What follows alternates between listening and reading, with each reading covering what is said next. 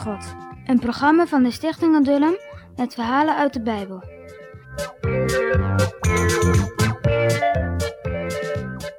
Jozef de slaaf. Jacob had twaalf zonen. Van Jozef, op één na de jongste, hield hij het meeste. Benjamin, de jongste, was nog klein. Jozef had de Heere lief. Hij deed niet mee met de broers, die veel kwaad deden. Toen Jozef zeventien jaar was, gaf zijn vader hem een mooie mantel. Alle kleuren waren erin. Toen de grote broers die zagen, keken ze heel boos. Vader trekt die jongen altijd voor, bronden ze. Soms sprak God wel eens tot Jozef in een droom.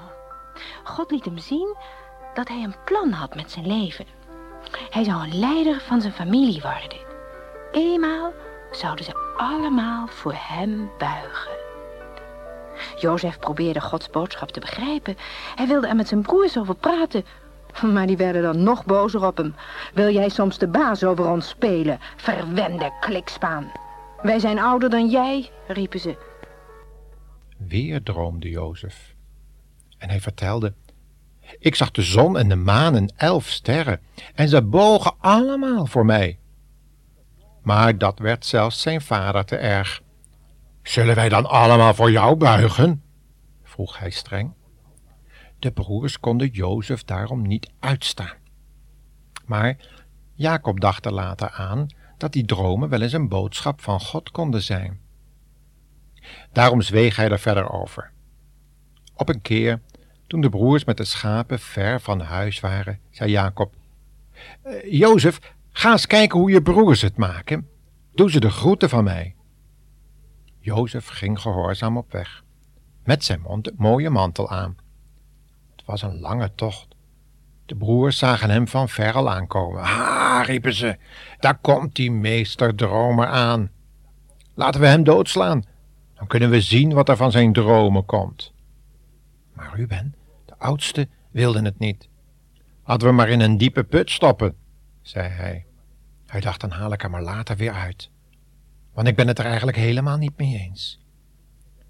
Toen grepen de broers Jozef beet, scheurden hem de mantel van het lichaam en stopten hem in de put. Opeens riep Juda: Kijk eens, daar komen kooplieden aan. Ik heb een goed plan. Laten we Jozef aan hem verkopen als slaaf. Zo trokken ze Jozef met z'n allen uit de kuil en verkochten hem aan die mannen. Ze namen hem mee naar Egypte. Ruben was er toen niet bij. Ze gaven er niets op dat Jozef om hulp riep. Ze lachten vals en zeiden: Ha, die lastpost zijn we voor altijd kwijt.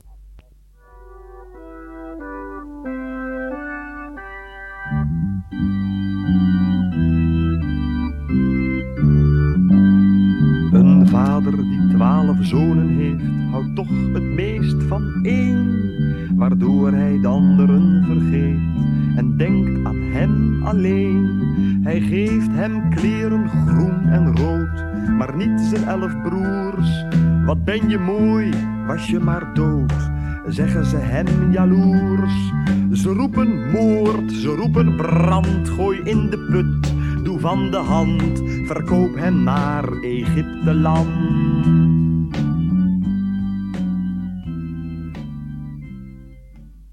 Toen Ruben echter later bij de put kwam, was Jozef er niet meer. Oh, wat schrok hij. Hij durfde het niet aan zijn vader te zeggen. Maar de broers wisten wel raad. Ze slachten een bokje en doopten de mantel in het bloed. Ze zonden er een knecht mee naar hun vader met de boodschap: Kijk eens, die mantel hebben wij gevonden. Is die niet van Jozef, vader? Toen Jacob de mantel zag, herkende hij hem dadelijk. Ach, riep hij bedroefd, een wild dier heeft mijn lieve jongen verscheurd. Jacob dacht echt dat Jozef dood was. En toen de broers daarbij stonden, deden ze net of zij het ook geloofden. Dat was natuurlijk heel slecht van hun. Zonde is altijd erg. Maar het volharden erin, ermee doorgaan, is nog veel erger. Wat een zware weg zouden ze nog moeten gaan. Maar die arme Jozef ook. Die werd in Egypte als slaaf verkocht.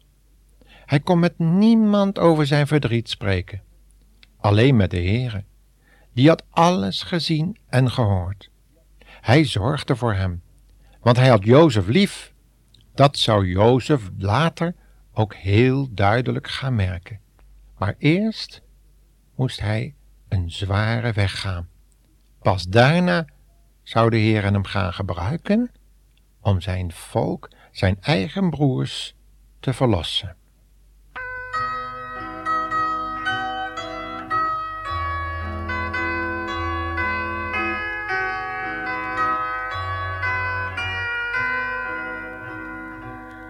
O, heb jij begrepen dat God tot je zei? Kind, ik heb je nodig, toe luister naar mij. Ben je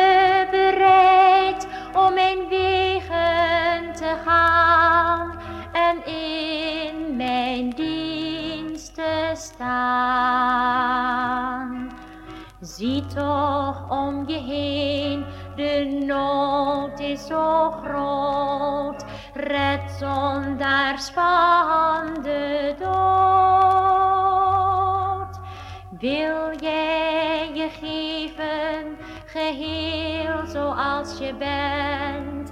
Niet half, maar voor honderd procent.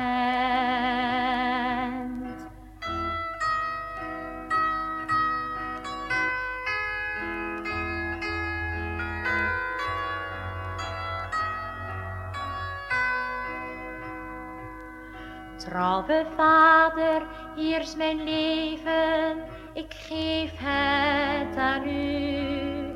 Kom maar tot uw doel, maak mij bruikbaar voor u. Al mijn gaven, talenten, hier hebt u ze weer. Gebruik ze in uw dienst steeds meer. Ik wil gaan waar u leidt, ik ben tot dienen bereid. Ik wil leven alleen tot uw eer. Ik wil doen wat u vraagt, waarheen u mij ook zendt. Ik geef mij voor honderd procent.